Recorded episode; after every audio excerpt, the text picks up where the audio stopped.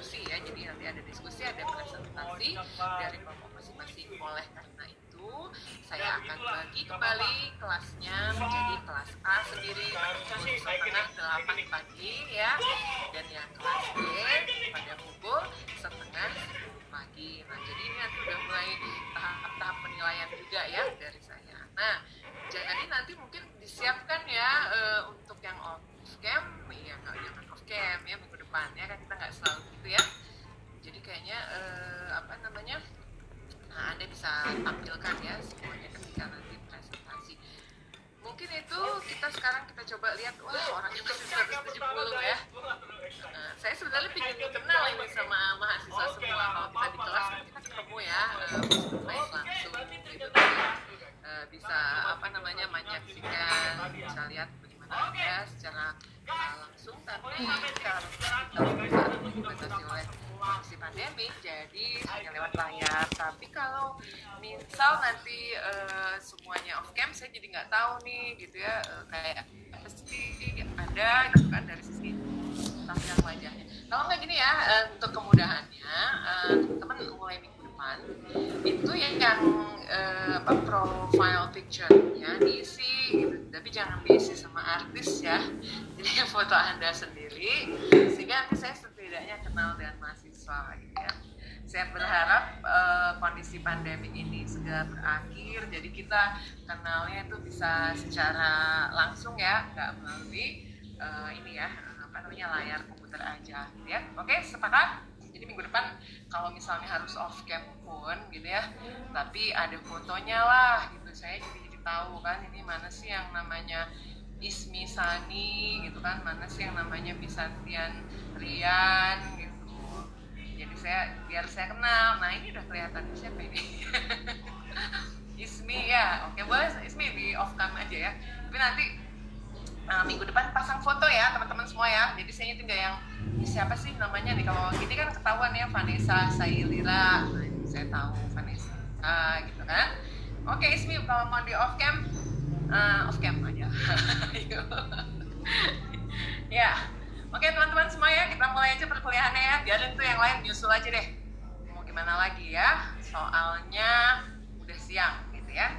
Baik kita mulai saja perkuliahan. Saya, saya, saya mau apa semacam uh, ini dulu ya uh, recap dulu gitu ya pertemuan kita yang pertama yang kedua kita udah menjelaskan kan WR itu apa terus minggu yang lalu saya lengkapi lagi kebijakan luar negeri itu dari uh, telaah-telaah konseptualnya gitu kan. Termasuk juga saya sudah membahas mengenai uh, apa namanya sumber-sumber kebijakan luar negeri termasuk uh, juga hambatan ya dari kebijakan luar negeri itu apa aja yang bisa membuat kebijakan luar negeri itu jadi mengalami uh, hambatan tertentu gitu. Nah kali ini sebenarnya kalau lihat uh, apa namanya uh, RTS tuh ya itu tuh kan mestinya uh, sumber ya sumber kebijakan luar negeri terus seminggu yang lalu tuh pola kebijakan luar negeri dari masa ke masa. Cuma kalau lihat susunannya lebih baik kita bahas dulu yang faktor-faktor yang turut menentukan kebijakan luar negeri mengapa untuk menjadikan landasan uh, tugas minggu depan gitu. Jadi saya sampaikan terlebih dahulu ya gitu ya. Nanti kita uh, yang lain tuh bisa sambil gitu ya istilahnya dalam uh, perkuliahan oke kali ini saya akan ya? memulai perkuliahan dengan pembahasan tentang ini ya teman semua. Nih kita mau bahas pada hari ini tuh adalah uh, tentang faktor-faktor ya yang turut menentukan perumusan kebijakan luar negeri gitu.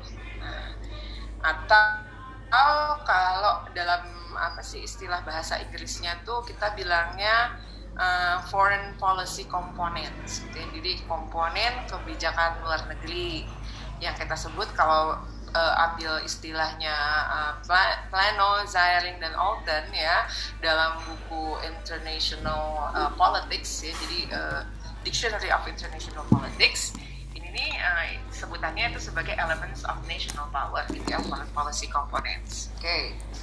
Nah ini apa sih sebenarnya faktor-faktor ini gitu? Nah ini adalah kalau kita baca ya makanya eh, kemarin-kemarin saya sempat menyebutkan banyak apa sih banyak banyak sumber ya. Dan bahkan juga saya sudah upload bahan buku ya yang dari Laurenia harapan saya tuh gini teman-teman semua udah mulai baca-baca walaupun mungkin jangan semua ya karena belum waktunya juga baca semua. Tapi ada beberapa bagian yang nanti bisa memperkaya pengetahuan teman-teman semua gitu di dalam buku atau e-books itu gitu ya. Jadi nanti bisa anda bandingkan nih apa yang belum dibahas uh, all out nih sama Bu Fiani nah jadi anda bisa baca gitu. bisa diskusi ya setelah itu Nah, ini yang saya bahas sekarang ini adalah terkait Mas dengan berisik. uh, apa namanya elemen ya komponen dari uh, kebijakan luar negeri. Jadi kebijakan luar negeri itu dirumuskan memperhatikan faktor-faktor yang akan kita Iya, bahas pada hari ini, gitu ya. Nah, kita lanjut. Ini kalau ini nih ada beberapa versi sebenarnya. Kalau yang saya Lampunya matiin mas, lampu dapur. versinya eh, apa namanya para ahli kebijakan luar negeri yang eh, menganut realisme gitu ya ataupun pemikiran HI paradigma lama. Nah ini yang seperti ini nih yang saya sampaikan ini ini dari Thompson ya. ini pendapatnya. Ini saya ambil sebenarnya Thompson tapi dari bukunya Bapak Supena Prawira Saputra gitu ya. Ini bahannya. Nanti kalau kita ambil dari Zairing uh, Van Olten nanti ada lagi yang kita akan bahas setelah ini. Terus juga anda bisa ngecek lagi dari bukunya James Rosnow gitu ya. Yang kemarin saya sudah sebutkan ada lima itu ya. Ada ada systematic factor, role, kemudian ada societal, kemudian ada apa idiosyncratic gitu ya, dan ada governmental. Terus kalau kita ngecek bukunya siapa uh, Calvi Holsti, itu ada yang internal, external factors, ada yang tujuh dan lima gitu ya masing-masingnya.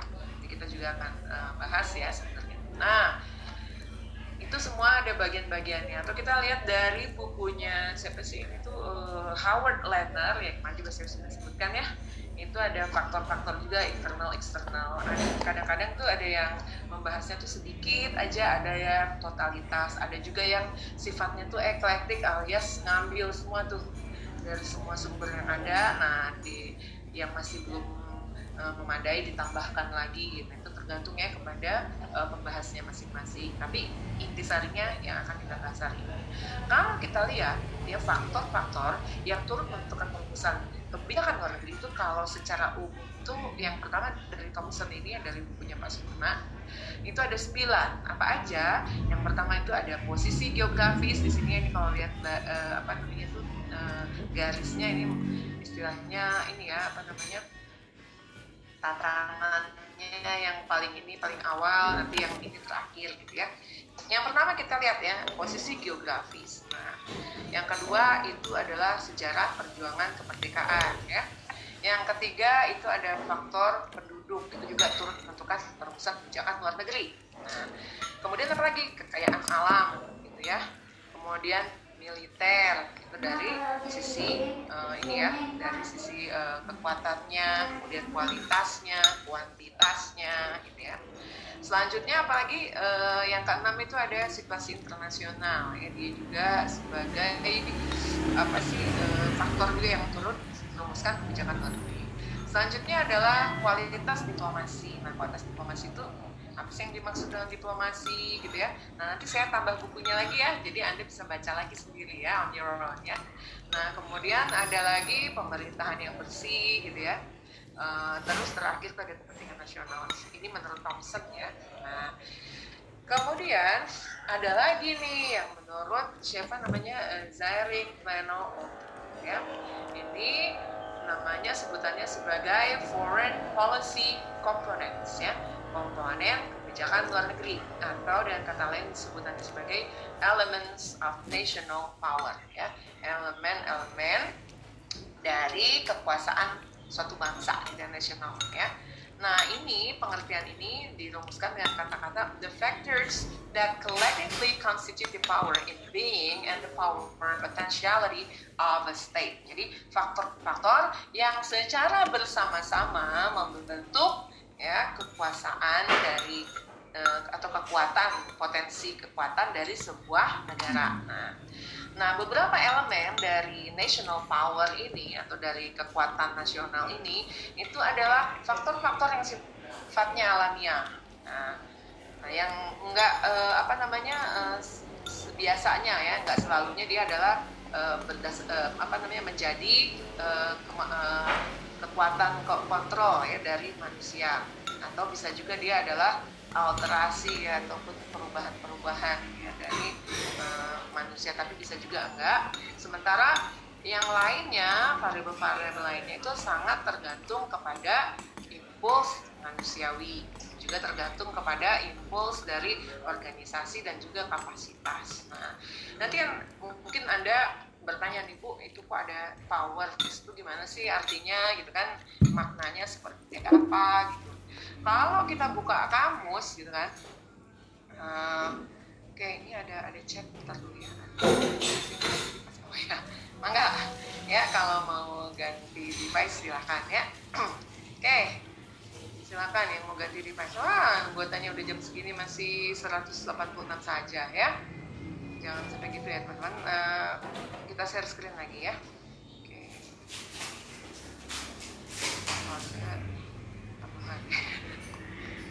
nah jadi intinya tadi uh, apa the factors that collectively constitute the power in being and the power potentiality of the state.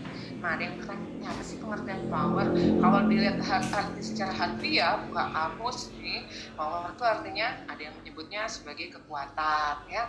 Atau uh, dapat diartikan dia sebagai uh, artinya adalah kekuasaan gitu kan kekuatan ada kekuasaan atau bahkan kalau orang HI uh, they tend to say that well it's better to say it as power aja deh gitu ya daripada menyebutnya kekuatan kekuasaan itu kadang-kadang karena artinya bisa kedua-duanya gitu kan. Nah tapi kita anggapnya ada dalam hal ini kita lagi bicara tentang kekuatan kekuasaan gitu ya dua-duanya uh, constitute the power and being. Jadi faktor-faktor yang uh, secara bersama-sama itu nanti membentuk kekuasaan kekuatan dari dan juga potensi kekuatan dari sebuah negara. Nah, elemen ini ada yang sifatnya faktor-faktor alamiah ya yang nggak bisa dikontrol nih manusia itu atau tidak bisa diubah.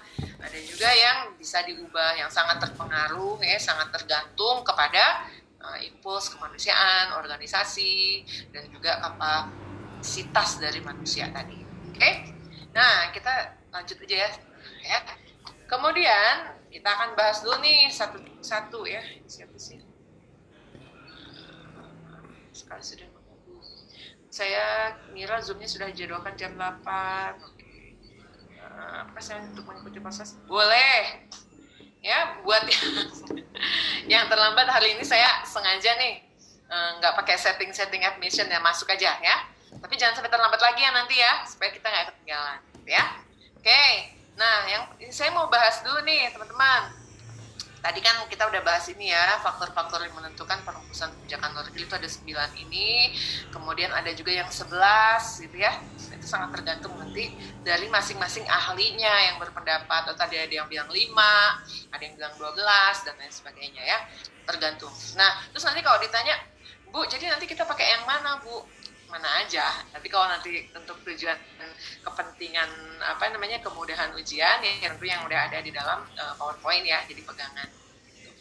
Oke, okay, nah kita lihat lagi ada major components in the power equation. Jadi ada atau kita bahasanya uh, ada komponen-komponen kekuasaan tadi ya, ya itu termasuk di dalamnya ini ya, ini yang menurut Alton Plano Zaire, bukan yang pertama tadi ya, yang kedua yang pertama dia adalah bicara tentang size ya ukuran sebuah negara. Di dalamnya juga termasuk ada location ya, ada lokasi di mana negara tadi berada. Kemudian climate-nya atau iklimnya gitu ya. Serta topography of the national territory. Termasuk juga bentangan muka bumi dari teritorial suatu bangsa tadi. Kayak apa tuh yang bentangan muka bumi? Ada yang bisa menerangkan nggak? Kayak apa tuh yang namanya uh, topografi itu? Ada yang tahu nggak? Saya biasa ya, catat, catat gitu ya. Oke, saya catat nih. Ada yang mau bisa menerangkan yang topografi itu yang kayak apa, tahu nggak? Izin saya ingin menjawab, Bu. Silakan, uh, Faris ya, Faris silakan menjawab seperti apa topografi Paris? Yang saya pikirkan mungkin yang dimaksud topografi kan adalah bentuk permukaan bumi apakah uh, altitude-nya naik turun atau seperti pegunungan dan itu tuh berpengaruh besar terhadap keamanan nasional dan um, uh, transportasi dan seperti contohnya di India kan utaranya ada Himalaya Iya. yang berbatasan dengan Cina dan itu menjadi perbatasan yang uh, alami antara kedua negara itu. Jadi hal itu berpengaruh terhadap kebijakan yang mereka bikin gitu bu. Hmm, bagus. Ada lagi yang bisa menerangkan lebih lengkap lagi? Contohnya kalau kita bilang topografi itu apa berarti kira-kira? Izin menjawab bu. Ya, saya kan uh, Phoebe ya. Silakan. Ya. Ya, eh, se- pengetahuan saya topografi itu tinggi rendahnya permukaan bumi, Bu. Jadi kalau disuruh lihat tentang topografi atau bentang alam itu berarti ya selama di daerah teritorinya itu mau di atas atau di bawah itu permukaan buminya termasuk ke dalam eh, negara tersebut gitu, Bu. Jadi yang kayak tadi Faris bilang pegunungan ataupun dia lembah, nah itu, Bu. Ya, bagus.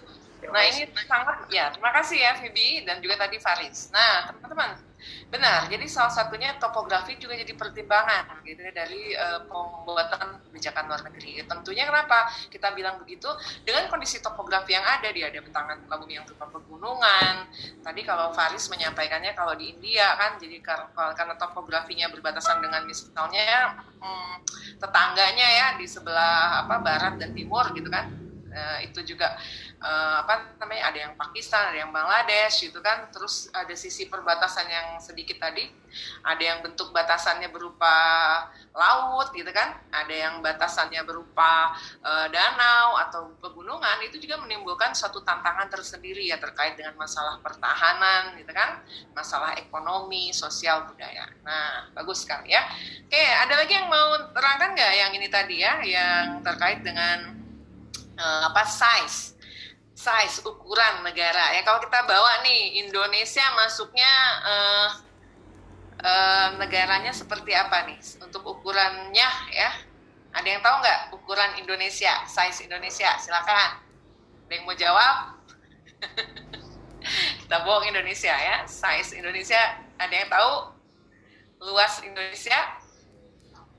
Saya bu, ya silakan. Siapa ini Eh, Maulidan Ya, silakan Maulidan eh, kalau menurut saya eh, Indonesia ini eh, luas sama eh, perairan kayak gitu. Jadi apa eh, harusnya sih sebenarnya kayak eh, pemerintah itu lebih memperhatikan isi apa eh, kelautannya kayak gitu. Kan takutnya eh, kayak ada gangguan kayak gitu dari lautnya. Dan emang bener kan Indonesia. Oh. Eh, Maulidan tahu nggak eh, ukuran Indonesia berapa? Eh, jutaan. Ayo. Belum pernah pernah lihat di buku geografi tapi Oke. Iya benar. Oke. Ini ada pendapatnya Josephine ya, Josephine Audley ya. Eh, se- berapa tadi Josephine? Ini Josephine. 1,905 juta kilometer Belum. Ya, persegi ya, size mah ya. Ah, jangan lupa persegi. Teman-teman, ini ya kan kayaknya kelihatannya eh, apa namanya sepele ya. Ini kan tentang Indonesia nih. Tapi jangan salah loh. Nanti kadang-kadang kita kalau teman-teman yang eh, apa tertarik nanti untuk masuk Kementerian Luar Negeri gitu kan ya. Yang kayak gini-gini nih nanti ujiannya keluar tuh. Biasanya kita kan kaget ya. Aduh, gapai Indonesia ya luasnya. Nggak apa-apa. Ini sambil belajar ya tadi udah eh, misalnya kalau ada pertanyaan nih paling cepat yang apa namanya bisa googling silahkan boleh boleh aja ya. Nulis ini juga jawabannya boleh. Nah dari sini saya ingin mengingatkan itu tadi ya informasi tentang Indonesia mengenai luasnya gitu ya. Eh, lalu juga eh, lokasinya itu kita tahu secara eh, spesifik menjadi sesuatu hal yang emang by default ya. Istilahnya anda tuh sebagai mahasiswa HI udah tahu ya. Kalau lupa-lupa dikit nggak apa-apa. Tapi untuk next time ya nanti untuk presentasi minggu depan wajib tahu ya teman-teman semua ya. Oke, terima kasih ini tadi dengan Josephine Audley ya. Siapa lagi tadi yang jawab ini ada eh, Maulidan ya sama eh, Monica Putri. Oke, ya Monica Putri. Ya, kita lanjut lagi mengenai lokasi. Nah, ada yang tahu lokasi Indonesia itu kan letak ya. Ada yang letak astronomis, ada yang letak geografis ya. Anak SD dulu belajar saya ingat SMP ada juga. Siapa yang tahu? Letak boleh yang mau ke toilet mangga. Lanjut aja ya. Ya ya ada yang izin ya. Mangga boleh lah jangan sampai enggak ya.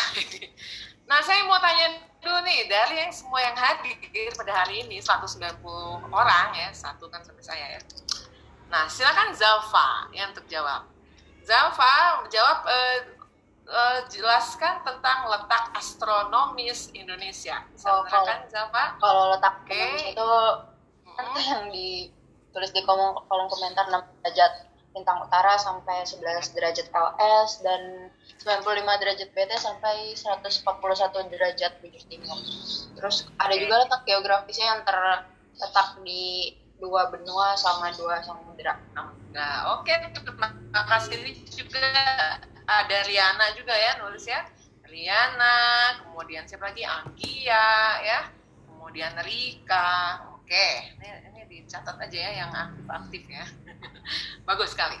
Ya, terima kasih Zalfa untuk jawabannya. Nah, ini semua kira-kira nih kalau menurut teman-teman dengan kondisi geografis sedemikian rupa yang tadi ya terletak di antara dua benua dan dua samudera benuanya benua apa aja? benua Asia dan benua Australia. Dua samudera apa? Nah ya bagus ini Zalfa lagi jawab ya. Eh ya samudranya samudera Hindia dan Pasifik. Oke, wow banyak banget jawabannya ya Rizky mesti dari kita semua ya. Ya Nabila, aduh aduh aduh ya. Oke, bagus sekali ya. Gitu ya. Sekarang pertanyaan saya adalah apakah kira-kira konsekuensi dari letak yang gampang dulu ya astronomisnya dulu nih kira-kira apa kalau menurut teman-teman Mau jawab Ibu izin. silakan siapa ini Rivia ya Ah, eh siapa kemarin Ana dulu tuh kayaknya. oh iya siapa dulu saya Bu. siapa dulu ya oke Ana, siapa Bu. namanya oh An oh Ana namanya Ana siapa nama Ya. lengkapnya Ana Maulana Bu. Oh Ana Maulana oke Ana gimana Ana jawabannya Dari letak astronomis ya Bu, itu Ah. bisa menggambar Dari atau letak. menen- kenapa? Menentukan yang pertama itu uh, tentang waktunya Indonesia ya. Kenapa Ibu? Ah, Ya waktu Indonesia Ya, yang Ya, dibagi betul. jadi tiga. Yang pertama waktu Indonesia bagian barat, waktu Indonesia bagian tengah, sama waktu Indonesia bagian timur. Terus yang kedua juga menentukan yang namanya uh, pergantian musim atau uh, tentang iklim atau cuaca. Jadi Indonesia masuk di uh, rentang ekuator atau garis katulistiwa yang menandakan bahwa iklim di Indonesia itu tropis gitu. Nah, keduanya pun akan jadi uh, salah satu penentu kebijakan misalkan tentang uh, tadi strategi misal misalkan kalau terjadi perang itu kan harus ada diperhitungkan juga tentang kondisi cuaca uh, iklim di Indonesia itu seperti apa gitu. Nah, untuk uh, letak geografisnya sendiri itu memudahkan Indonesia uh, dalam apa ya istilahnya lintas strategis buat perdagangan dan juga itu bisa juga jadi ancaman karena kita kan diapit oleh dua istilahnya uh, benua besar gitu yang mana masing-masing itu seperti Australia dan juga Asia itu terdapat kekuatan-kekuatan besar gitu. oke Nah, saya bagus sekali ya. Terima kasih Ana. Nah ini tadi benar ya kalau tadi eh, garis lintang ya dia lintang utara, lintang selatan itu membagi bumi secara apa? Horizontal atau vertikal? secara vertikal ya. Nah yang bujur barat, bujur timur itu secara gimana? vertikal atau horizontal? Bujur barat, bujur timur. Horizontal bu. Iya dong, iya bagus. Horizontal. horizontal. Nah, kalau horizontal tadi waktu itu berbicara soal waktu ya. Nanti makanya tadi ada waktu Indonesia Tengah, eh, apa namanya, bahasa Indonesia Barat, Indonesia Tengah, Indonesia Timur gitu kan. Nah, setiap berapa derajat sih eh, berubah perlu eh, jamnya? Anda tahu nggak? Berubah waktu? 15. Ya, bagus. 15 aja. Mantap ya, jadi pelajaran SD, SMP, SMA itu udah Anda ingat ya. Oke, bagus ya. Setiap 15 derajat dia berubah satu jam ya. Jadi nanti Anda mudah tuh nanti untuk eh, apa sih namanya spot ya, spotting ini di mana nih posisinya nih Eh, negara-negara tertentu yang beda jamnya sama kita ya. Dari sisi letak astronomis tadi ya. Oke, bagus sekali. Benar sekali ya analisis Anda. Jadi saya nggak usah nerangin, Anda udah tahu tuh ternyata ya. Jadi posisi-posisi strategis tadi uh, apa lokasi astronomis ini menentukan tentang tadi tepat sekali ya saya baca ini di di chat ya ya ampun banyak banget ya. Itu uh, dia uh, menentukan sekali kepada musim gitu kan. Sehingga kalau musim tertentu itu tuh nanti kalau masalah pertahanan tadi Anda bilang uh, menentukan waktunya kapan yang paling tepat ya buat buat pertahanan Indonesia kalau peperangan. Tapi sekarang kita kan masanya lagi damai nih berarti menentukan juga untuk kebijakan kita dalam hal ekonomi.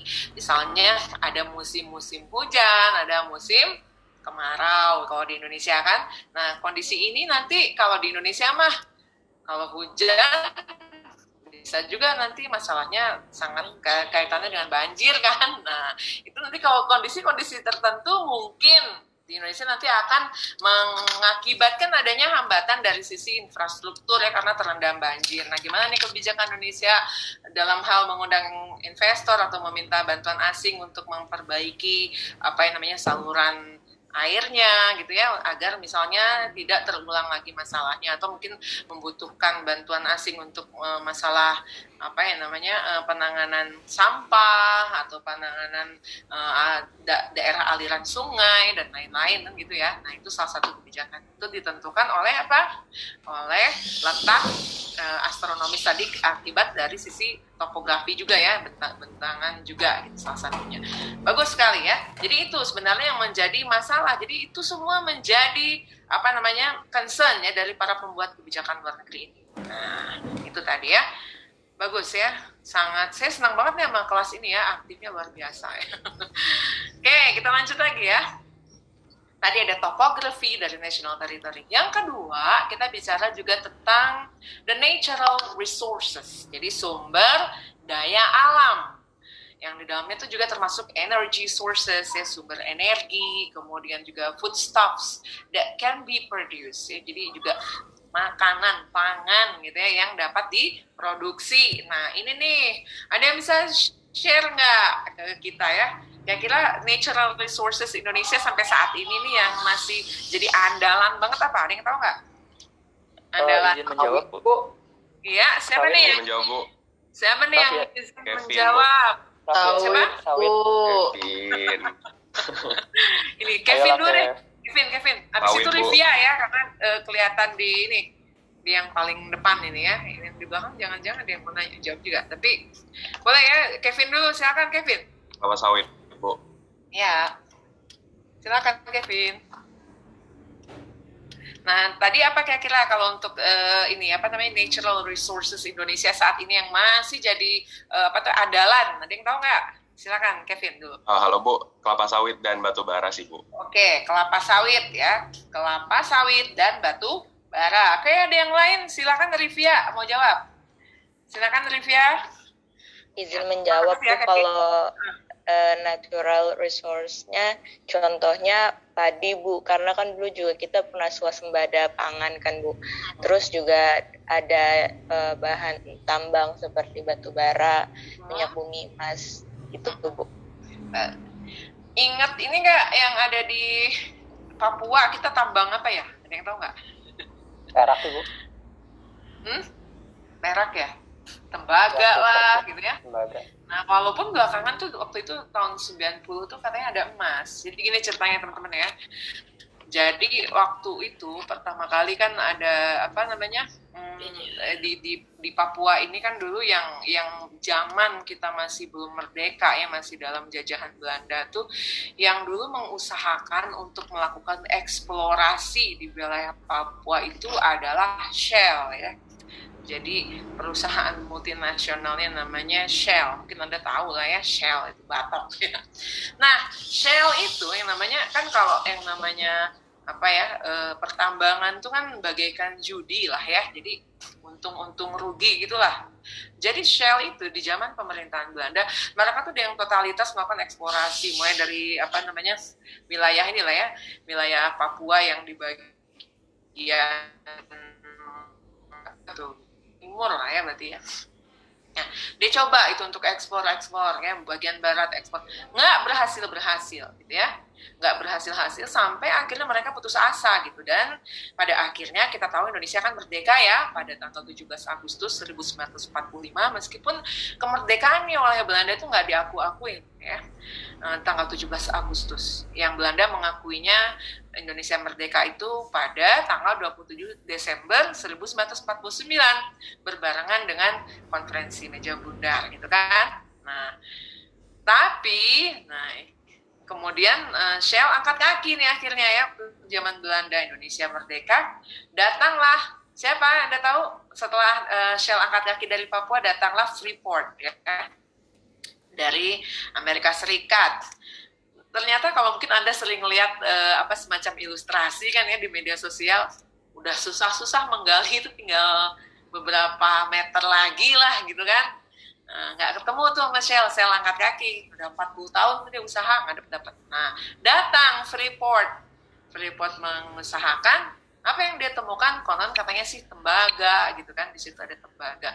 Selama beberapa puluh tahun ya zaman uh, orde lama yaitu sejak zamannya Presiden Soekarno sampai orde baru di tahun 1990 itu uh, antara Shell dengan Indonesia menjalin kerjasama semacam inilah ya apa namanya uh, joint venture gitulah. Jadi uh, siapa? Freeport di sini sebagai eksplorator ya sekaligus explorer sorry. Dia sebagai explorer termasuk juga sebagai uh, apa namanya yang mengeksploitasinya gitu ya dan akhirnya mereka menyepakati bahwa yang dieksploitasi uh, di situ adalah uh, ini ya tembaga gitu. Until after 1990 gitu ya setelah itu tahu-tahu di negara tetangga yaitu Papua Nugini uh, ada industri yang serupa juga untuk uh, apa namanya uh, eksplorasi dan eksploitasi menemukan emas di sana. Sehingga waktu itu ribut lah Indonesia ya di, di awal tahun 90 itu. Loh Indonesia itu yang tahunya tembaga sehingga tahu sendiri yang nama daerah itu jadi Tembagapura gitu ya di, di Papua. Dulu kan namanya Irian Jaya kan uh, kenapa dinamakan Irian uh, kita masih ingat dulu itu tuh akronim ya yang dibuat oleh uh, Presiden Soekarno yang artinya adalah ikut Republik Indonesia Jaya gitu. Jadi namanya jadi Irian Jaya gitu ya. Tapi kalau Indonesia orang Indonesia bilang Irian tuh uh, suka iri. Enggak ya. Maksudnya dulu karena singkatan ya.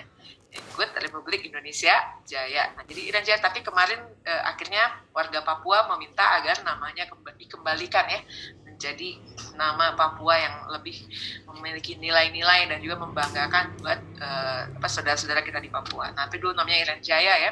Ada satu daerah yang namanya dulu Tembagapura. Kenapa di dikenal Tembaga? Karena dulu katanya sih uh, hasil apa namanya bumi dan ini natural resourcesnya adalah tembaga. Tapi baru tahun 90 lah ya ketahuan bahwa di dalam tembaga itu bongkahan-bongkahan tanahnya itu itu ada unsur emasnya. Nah pada saat itu baru kemudian Indonesia melakukan ini ya apa namanya perjanjian ulang gitu karena kan beda ya kebayang nggak sama anda semua ya selama berpuluh-puluh tahun lamanya ya eh, apa namanya tembaga tanah tanah dari Papua itu tuh dimanfaatkan oleh uh, apa yang namanya uh, freeport itu ya diekspor ya tanpa proses smelting sama sekali dia nggak ada smeltering gitu istilahnya nggak ada nggak apa namanya nggak dipisah-pisahkan ya antara tanah dan juga uh, zat-zat lainnya. Sehingga akhirnya apa? Ya kita ibaratnya kerasa yang zong gitu kan. Aduh Indonesia udah puluhan-puluhan tahun gitu. Nah pada saat itu Indonesia zaman masih zaman Presiden Soeharto ya itu kemudian merenegosiasi lagi ya berdasarkan perjanjiannya dan memang di dalam itu tepat seperti yang anda katakan tadi itu ada emasnya dan tembaganya dan lain-lain. Nah, tapi di sini yang menjadi catatan buat kita adalah, nah inilah pentingnya ya untuk kemajuan kemajuan Indonesia ini pengetahuan yang tinggi ya untuk apa dalam rangka kita untuk mencapai kepentingan nasional jadi nggak hanya ya apa namanya begitu aja ya menerima kondisi tapi kita perlu juga melihat bahwa uh, apa namanya uh, sumber daya manusia ini penting ya, sorry sumber daya alam ini penting dan ini perlu untuk diperjuangkan juga dalam perumusan kebijakan luar negeri. Kalau kondisinya seperti ini kan kita kalau boleh dibilang ada juga ruginya ya, tapi ya itulah udah berlalu semua itu yang nggak bisa di setback lagi kan. Nah, tapi ini pelajaran yang besar buat uh, kita semua, Anda terutama nanti yang calon diplom kebijakan Indonesia di masa akan datang itu untuk uh, lebih menjadikan apa yang terjadi di masa yang lalu itu menjadi sebuah uh, pembelajaran ke depan. Tapi ya kita lihat sekarang ya Indonesia jauh lebih aware lagi ya, lebih lebih apa namanya, lebih alert lagi lah gitu ya, jadi lebih berhati-hati lah. Gitu. Oke, kita lanjutkan lagi ya. Ini uh, apa namanya cerita, cerita tadi sekedar intermezzo ya. Tadi ada natural resources ini penting banget tadi seperti anda sudah sampaikan. Kemudian ada energy resources. Kalau energinya kita tuh terkenal dulu di tahun uh, 70-an ya sampai 90-an itu kita sebagai salah satu dari negara OPEC ya, organization uh, apa namanya ekspor uh, apa namanya ini uh, petroleum exporting countries ya, negara pengekspor uh, minyak bumi gitu kan. Dulu kita pernah menjadi anggotanya dan bergabung dengan uh, apa namanya negara-negara uh, lain di Timur Tengah gitu ya. Uh, yang waktu itu bergabung dalam bentuk uh, ini uh, apa ya namanya nih kalau kita lihat struktur pasar itu oligopolis ya waktu itu untuk tujuannya menentukan harga dari uh, minyak bumi ini selama bertahun-tahun pula kita sangat mengandalkan devisa ya, negara kita ber, e, berasal dari minyak bumi itu. Nah, negara e, daerah-daerah yang menjadi e, apa namanya e, dari minyak bumi itu di Indonesia ada yang tahu mana? Ada yang tahu nggak? Ingat nggak? Mana-mana yang ada perusahaan Chevronnya ya dulu namanya Caltex ya California Texas Oil Company. Nah, juga ada Texaco ya itu jadi jadi Chevron ada yang di mana aja wilayah uh, minyak bumi kita dihasilkan ada yang tahu ya siapa nih ada yang ini uh, Anaf ini Riden ya silakan ya, Anaf uh, ya. Di bagian ini bu bagian um, Kalimantan sama Sumatera itu bukan sama di Natuna juga oh, kita tepatnya Sumateranya mana yang tahu Ada tahu provinsi Riau? Uh, ada yang tahu Riau? Tahu ya, Riau itu itu besar itu loh. Jadi kira-kira tahun 80 90 itu ya. Riau itu penyumbang 2 per 3 ya penghasilan devisa negara kita dari minyak itu. Jadi seluruh hasil yang berasal dari ekspor apa namanya minyak bumi yang di provinsi Riau ya, baik itu yang di wilayah apa namanya Dumai ya, kemudian daerah Duri namanya ya, daerah yang di Pekanbaru dulu. Nah itu tuh dia menghasilkan minyak daratan gitu ya. Jadi dulu, Riau itu dipisahkan kan, provinsinya masih provinsi Riau saja. Kalau sekarang kan udah Riau, Riau dan juga ada Riau Kepulauan ya yang makanya di Tanjung Pinang gitu kan. Nah jadi dulu tuh menghasilkan minyak bumi daerah itu. Makanya kalau ada yang udah tahu tuh yang ada nggak orang main di sini daerahnya tuh ada Pertamina di situ perusahaannya dulu ada Caltex ya mana yang orang-orang apa daerah Bukit Jin, Bukit Datu nah itu ya dulu saya kebetulan masih kecil tuh kan pengalaman jadi anak kolong ya jadi pernah tuh ya salah satu sekolah yang di provinsi itu. Jadi saya tahu lah gitu ya kondisinya. Pada saat itu tahun 90-an itu ya itu itu tadi mereka itu eh, daerah itu sebagai penghasil minyak terbesar ya, mereka nah ada beberapa juga yang dari Bontang ya di Kalimantan Timur gitu kan. Nah ada juga tadi anda sebut baju gitu kan di Sumsel ya. Ada juga yang di mana Cilacap ya itu kan untuk sumber minyaknya itu berasal dari Riau. Nah tapi dulu kondisinya Indonesia itu sangat sangat bergantung dengan minyak itu gitu, minyak bumi itu. Sehingga akhirnya apa e, yang lain-lainnya tuh kurang kurang e, apa namanya dimaksimalkan gitu ya. Tapi kondisi ini sebenarnya sangat e, apa ya namanya e, riskan ya pada saat itu kalau hanya mengandalkan minyak kenapa sempat nanti minyak harga minyak jatuh apa yang terjadi uh, ya rugi ya Indonesia sejak saat itu uh, apa namanya ya itu tahun tahun 70-an ya sampai tahun 90 itu itu tuh minyak aja terus. Tapi barulah sekitar tahun 95 ya itu kemudian uh, mulai mengaktifkan dan mengintensifkan kegiatan industri gitu ya. Dan juga uh, sebelumnya kan tadi ada yang ada yang menyebut ya pertanian bu gitu ya. Kata siapa tadi? Ada kata Bibi ada yang pertanian Indonesia juga dulu tuh uh, padinya bagus sudah kata siapa? Rika Mazalfa ya Indonesia tuh dulu sebagai eksporter uh, ini, ini uh, beras betul kita tuh sampai tahun 84 aja kita mendapatkan uh, apa namanya penghargaan ya dari Food Agriculture Organization sebagai negara yang mampu berswasembada beras. Tapi apa yang terjadi setelah itu? Nah, mungkin anda nanti silahkan lihat sejarah ya. Jadi pada saat itu sudah mendapatkan uh, apa namanya itu uh, penghargaan dari Food Agriculture Organization negara yang mampu berswasembada beras, ternyata setelah itu Indonesia itu mengubah uh, apa struktur perekonomian yang semua semula agraris kemudian uh, bergeser ke uh, apa namanya industri ya. Mungkin anda tahu dulu ada tahap-tahap pembangunan yang sangat terkenal dari W.W. Rostow ada yang tahu? Apa aja? Mulai dari traditional ya society kemudian lagi ada precondition to take off gitu kan ada take off. Kemudian apa lagi? Uh, periode dari high mass consumption gitu kan. Satu lagi ada yang tahu?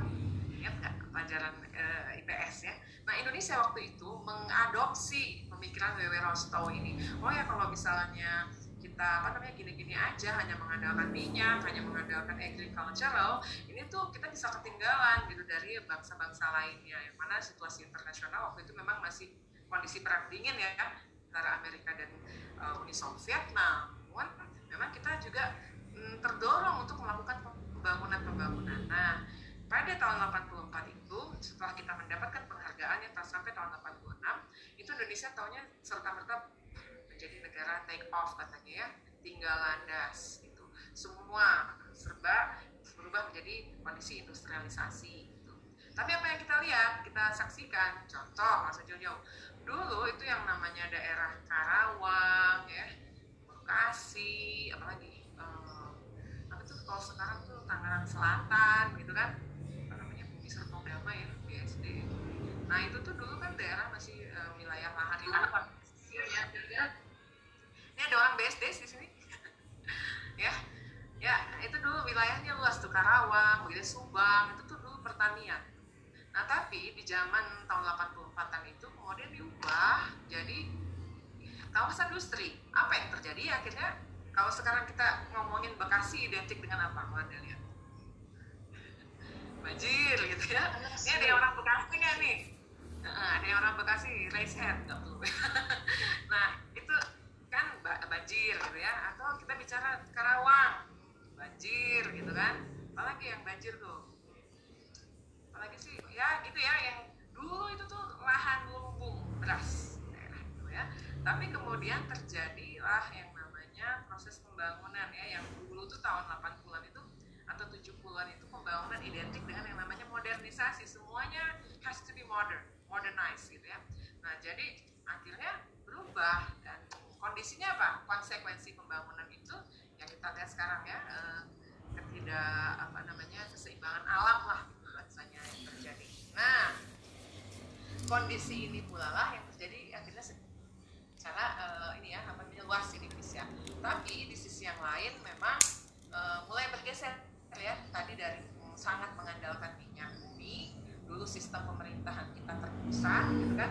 Sekarang setelah reformasi sistem pemerintahan yang kemudian menjadi apa namanya otonomi ya otonomi daerah gitu kan berubah sistemnya dulu. Nah, yang dulunya cuman apa ada pahamnya sentralisasi, desentralisasi, dekonsentrasi alias medubuin ya tugas perbantuan. Nah, yang sekarang tuh jadi otonomi daerah. Nah, itu juga sudah merupakan suatu perubahan yang sangat nyata ya. Nah, tapi kita kembali lagi ke bicara tadi masalah apa namanya sumber-sumber tadi ya, sumber alam, kondisi apa namanya ini pertanian dan lain-lain. Inilah yang terjadi di Indonesia. Ya, ini juga menjadi faktor yang kita akan apa namanya saksikan nanti dan juga kita bahas ya dalam tugas minggu depan untuk kalian cari ya.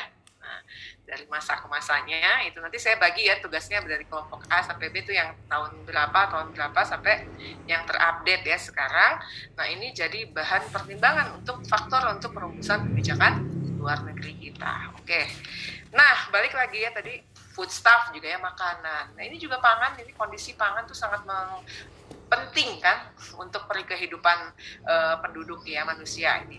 Memang kita bukan hidup untuk makan kan, tapi makan untuk bisa hidup. Tapi anyway, yang namanya food stuff itu adalah sebagai kebutuhan yang primary ya buat buat manusia gitu karena kalau nggak makan kita nggak bisa hidup kan gitu ya nah ini juga menjadi pertimbangan gitu dari pemerintah kita dalam membuat kebijakan luar negeri. Kapan waktunya harus mengimpor, kapan waktunya harus mengekspor, mengapa kita melakukan impor, apakah impornya adalah emang untuk barang-barang yang sifatnya consumer goods gitu ya atau bahan-bahan yang produk final yang memang dihasilkan di luar negeri itu barang manufaktur atau hanya untuk barang setengah jadi atau kita bilang uh, industrial goods gitu ya. Barang-barang industri yang nanti digunakan lagi untuk proses produksi. Itu juga penentu, menentukan ya.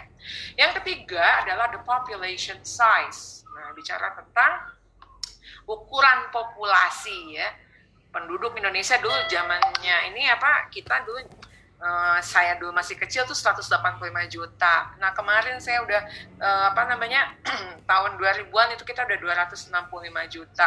Kalau sekarang ya plus minus lah uh, approximately katanya 275 juta walaupun angkanya juga berkurang karena ada uh, apa namanya mortalitas akibat COVID-19 dan lain-lain. Gitu. Tapi jumlahnya cenderung seperti itu ya 275 juta uh, apa namanya manusia Indonesia. Nah kebayang kan gitu dengan kondisi yang seperti ini.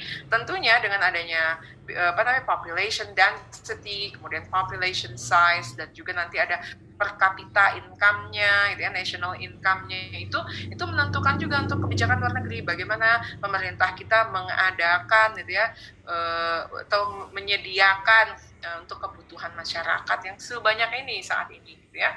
Untuk beberapa wilayah di Indonesia kalau kita dulu ya zaman saya masih kecil tuh saya sangat ingat sekali bahwa untuk mengatasi population uh, size pemerintah itu menerapkan yang namanya keluarga berencana. Itu tahun 77 nah jadi saya itu part of uh, apa namanya family planning gitu ya. Jadi saya kan lahir tahun 78 dulu zaman saya masih baru lahir itu apa namanya uh, pemerintah Indonesia itu masih membolehkan anak itu tiga ya di keluarga. Jadi artinya jumlah anak satu dua tiga tuh kalau yang PNS tuh masih dapat apa yang namanya tunjangan gitu. Tapi setelah tahun 80 itu programnya udah berubah jadi dua anak cukup. Nah mungkin anda tahu itu ya yang dua anak cukup itu. Nah, ya. Jadi akhirnya apa? Kalau untuk ke PNS yang dikasih tunjangan anak tuh cuma satu sama dua kalau sekarang ya jadi kalau anak ketiga anak yang ketiga udah nggak dapat lagi. Nah gimana nih kasusnya kalau kayak saya ya? Kalau saya dulu kan uh, anaknya orang tua saya itu cuma dua kali kelahiran ya. Tapi karena saya kembar jadi kan jadi ada plus saya gitu ya. Bayangkan kalau sekarang mau nggak akan dihitung tuh anak salah satunya gitu ya. Karena uh, lewat dari program uh, keluarga berencana yang ditetapkan oleh pemerintah ya. Kalau dulu sebelum tahun itu uh, boleh ya dapat uh, apa yang namanya bantuan lah gitu dari Nah, ini juga masalah ya. Jadi ada population size, population density. Kita tahu kepadatan penduduk tuh kalau di Indonesia tuh yang paling padat di mana kalau menurut Anda? Tahu? Yang paling padat nih Indonesia. Ya, nah silakan. Di mana yang paling padat? Jakarta, ya. Berapa eh, kepadatan penduduk Jakarta sekarang? Iya. Ada yang tahu nggak kepadatan penduduk Jakarta? Gak tahu ya. Berapa meter persegi ya diisi oleh manusia yang sangat banyak. Kalau di Bandung ini yang paling padat konon kabarnya itu di Cicadas ya. Jadi wilayah yang sekecil Cicadas itu penduduknya kalau pada uh, pada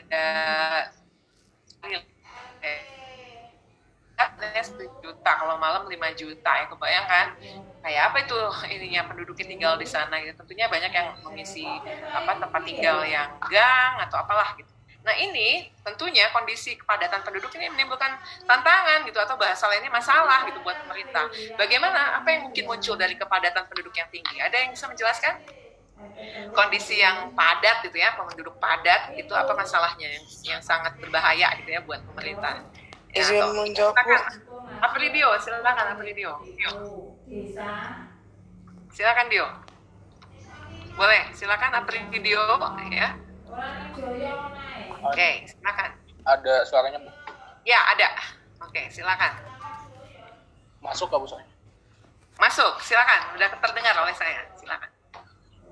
Oke. Okay. Uh, jadi kalau dalam masalah kependudukan, kepadatan penduduk, itu yang paling banyak pertama adalah semakin banyaknya tingkat kriminalitas dalam suatu lingkungan atau wilayah karena dari penyebab kriminalitas tersebut uh, masih banyaknya pengangguran atau uh, adanya perekonomian yang masih rendah yang terdampak oleh masyarakat. Oke. Okay. Jadi semakin banyaknya penduduk yang padat itu uh, seperti itu, Bu. Oke. Okay. Jadi banyaknya masalahnya itu adalah kriminalitas ya yang paling utama disoroti oleh Apridio. Oke, terima kasih. Selanjutnya saya lihat di sini ada Vanessa Putri Tamrin. Silakan Vanessa. Silakan Vanessa, apa masalah lain yang muncul dari kepadatan penduduk? Ya. Masalah besarnya mungkin yang dibilang uh, Dio hmm. Dio tadi Bu. Tapi uh, selain itu masalah yang uh, menjadi fokus pemerintah juga mungkin uh, di polusi udara bu okay. polusi udara dan daerah daerah-daerah slum area uh, banyak di uh, daerah. Oke, okay, terima kasih Vanessa. Untuk selanjutnya saya lihat ada siapa di sini nih? Ada Teja Kurniawan. Ya, silakan Teja. Teja Kurniawan. Silakan Teja uh, kasih elaborasi aja sama yang di, udah ditambah sama Pridio dan juga Vanessa tadi. Jadi kalau misalnya uh, semakin padat sebuah uh, penduduk di suatu wilayah, maka kan namanya wilayah itu tempat tinggalnya akan makin kecil gitu luasnya. Harga tanah akan naik secara signifikan karena banyak yang mau beli tanah kan. Itu yang pertama. Terus juga akan meningkatnya slums area. Kenapa? Karena uh, semakin banyak orang, semakin susah untuk diatur terus juga ada demand terhadap housing yang lebih bagus terus tapi demand yang gak terpenuhi orang jadi bikin rumah tuh uh, di mana aja gitu loh nggak teratur. Akibatnya akan ada slum area. Kalau misalnya mau bikin rumah tuh kan ada ketentuan-ketentuannya gitu. Tapi karena dia bangun rumah tanpa izin pemerintah mungkin atau nggak tertib jadi mungkin dari perairan perairannya mungkin mereka ambilnya mungkin dari tanah yang mungkin nggak ada regulasi. Jadi akan uh, apa sih kalau nggak salah di Jakarta tuh kayak semakin lama semakin turun gitu tanahnya bu gara-gara nggak secara nggak secara uh, aman gitu diambil airnya. Jadi kayak tanahnya makin lama makin turun terus juga pencemaran air dan juga udara gara-gara ya tadi itu banyak orang yang nggak bisa diatur. Oke, terima kasih bagus sekali ya.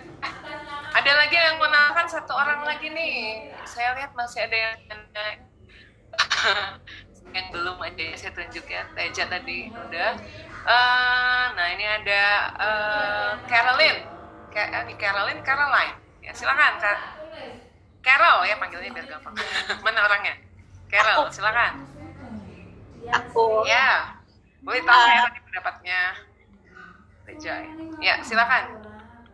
Iya bu, kalau dari pendapat kakak dan teman-teman sih itu kayak udah ini banget ya bu. Cuma aku pengen uh, nge iniin banget tuh di sampahnya sih bu, karena kan uh, banyak tuh karena makin banyak yang tinggal, terus juga aktivitasnya kan makin banyak. Ada sampah masak, terus belum lagi yang kayak sampah yang kotor-kotor kayak gitu ya bu. Terus uh, kita tuh masih kurangnya kita nggak bisa ngeprosesnya yang dengan baik. Jadi rata-rata tuh ujung-ujungnya dibakar. Dan asapnya itu tuh balik lagi ke orang-orang masyarakat yang tinggalnya di situ lagi. Jadi kayak udah kayak gitu kesehatannya juga jadi parah sih bu. Soalnya kan batuk ya bu kalau asap-asap kayak gitu. Itu sih bu. Kasih bu oke sama-sama. Terima kasih ya. Bagus. Ah ini ada saya lagi Aurelia Syafina. Mau nambahin Aurelia? Silakan. Aurelia Syafina. Silakan. Ya tadi Caroline. Caroline atau Caroline tadi panggilnya tuh? Takut salah saya. Nggak apa-apa bu. Bebas bu. Oh iya kalau pakai prinsip orang Inggris jadi Caroline. Tapi kalau orang Prancis jadi Caroline. Ya nggak tahu deh yang mana ya. Kalau Indonesia Caroline ya.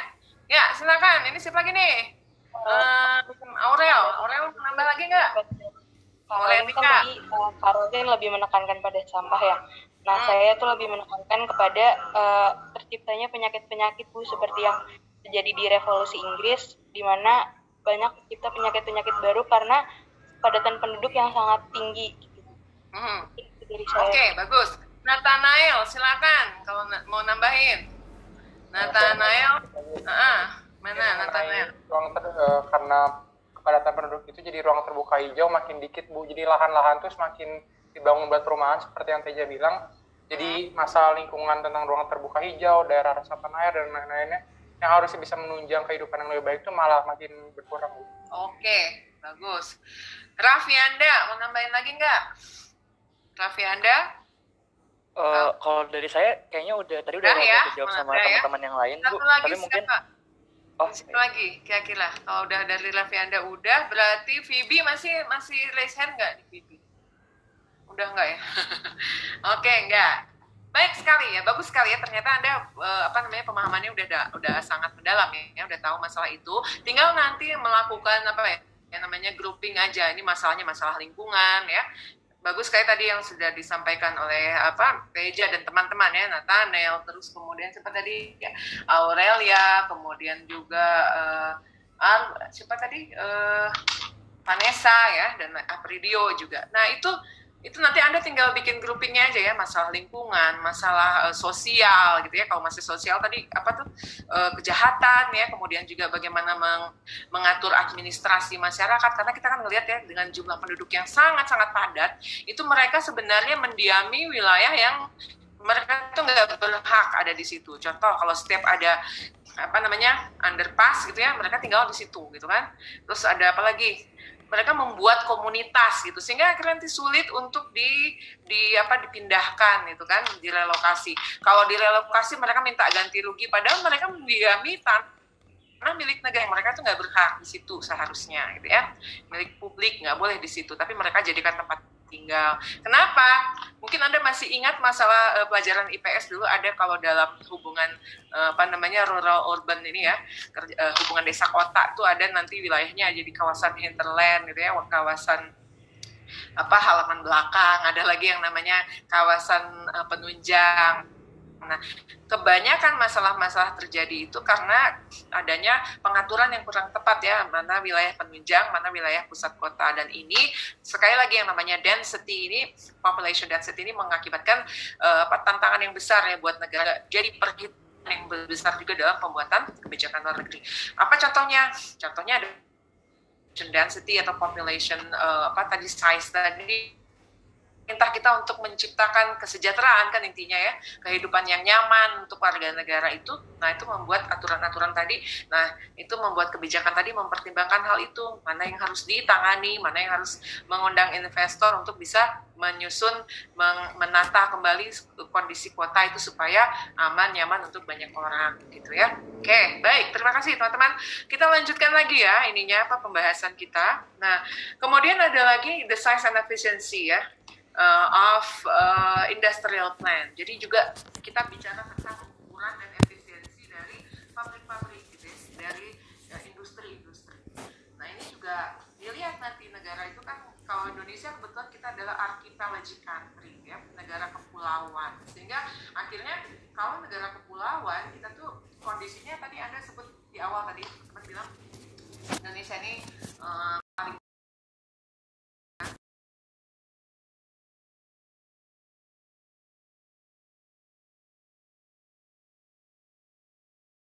eksploitasinya yang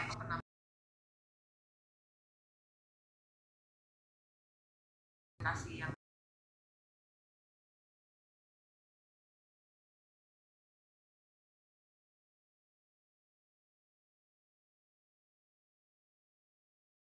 faktor ya yang untuk menentukan perumusan kebijakan luar negeri.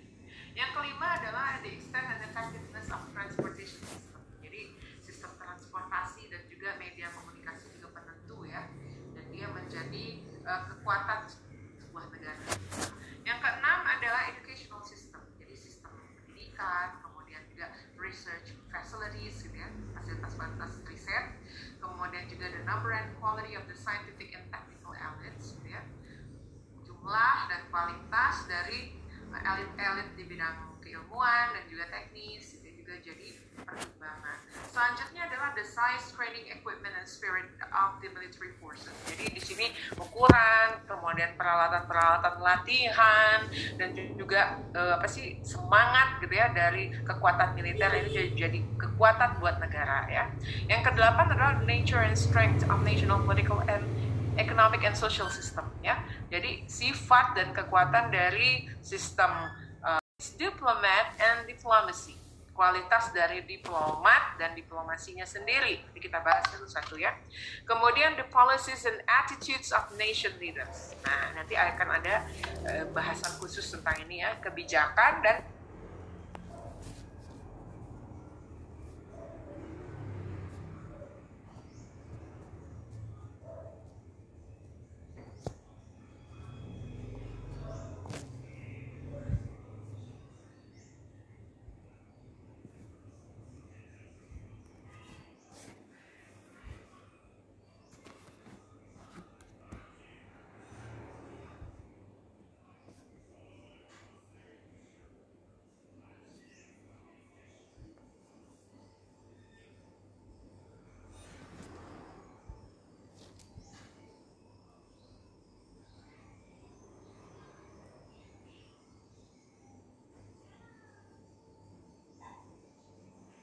Indonesia kan iklim tropis cuman mengenal dua musim ya kalau nggak musim hujan kalau nggak musim kemarau.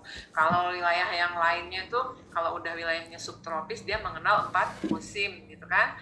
Dan utara sama selatan itu berbeda ya musimnya gitu. Jangan berangkat ke Australia bulan Desember bawa jaket gitu kan? Bawa panasan gitu ya.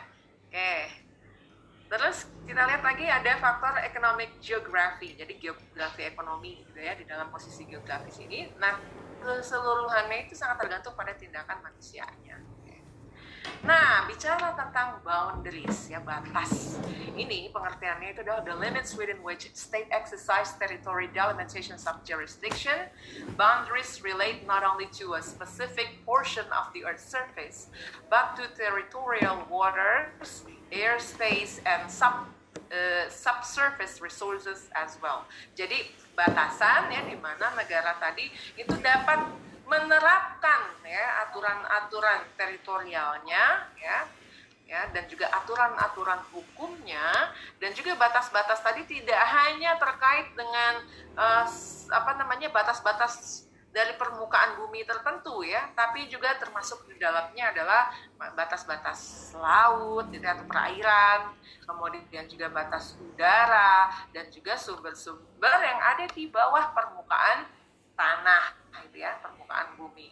Nah, batas-batas ini atau boundaries ini may be fixed by negotiation bisa ditetapkan berdasarkan hasil negosiasi itu bahasa lainnya itu diplomasi gitu ya batas-batas ini. Bisa juga melalui arbitration.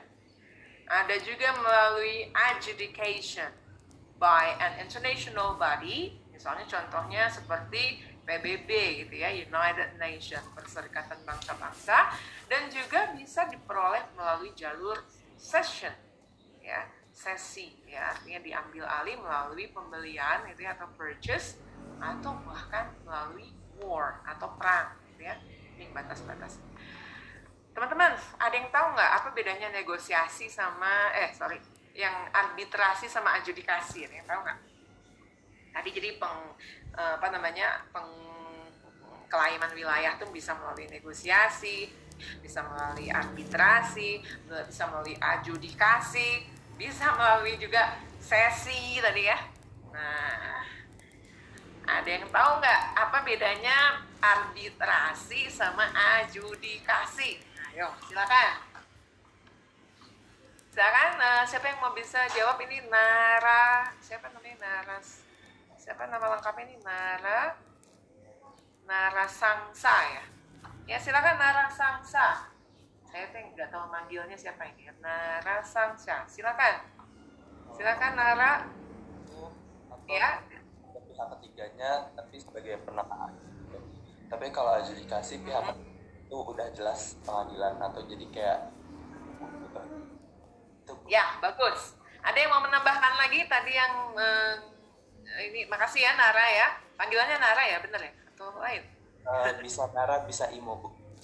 Oh Imo ya lain. Jauh banget ya ya nama lengkapnya siapa sih? Ini nggak kebaca di saya nih. Nara Sangsa siapa namanya? Narasangsa Bima Satria. Oh, Bima Satria panggilannya Imo gitu.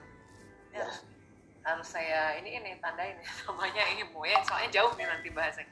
Ada lagi siapa lagi nih yang raise hand? Tadi udah bener ya jawabannya Nara alias Imo ya.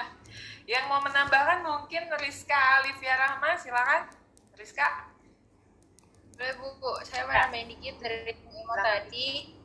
Nah, kalau arbitrase itu benar kan melalui pihak ketiga sebagai penengahnya, tapi keputusannya itu juga uh, sifatnya mengikat. Maksudnya uh, pihak yang bertengkarnya itu juga tetap nggak bisa mengganti keputusan penengahnya gitu. Betul.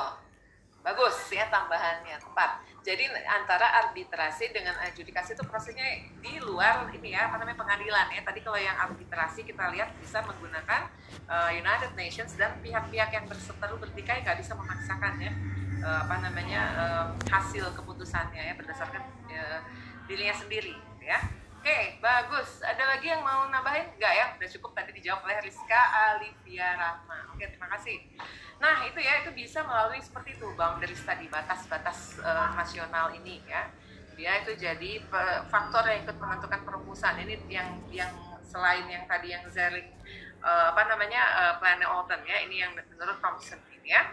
Nah, jadi Boundaries may be fixed by negotiation, arbitration, adjudication by an international body seperti United Nations dan juga melalui sesi yaitu pembelian pulau. Misalnya kita sering, dengar ya ada pulau dibeli nah, session.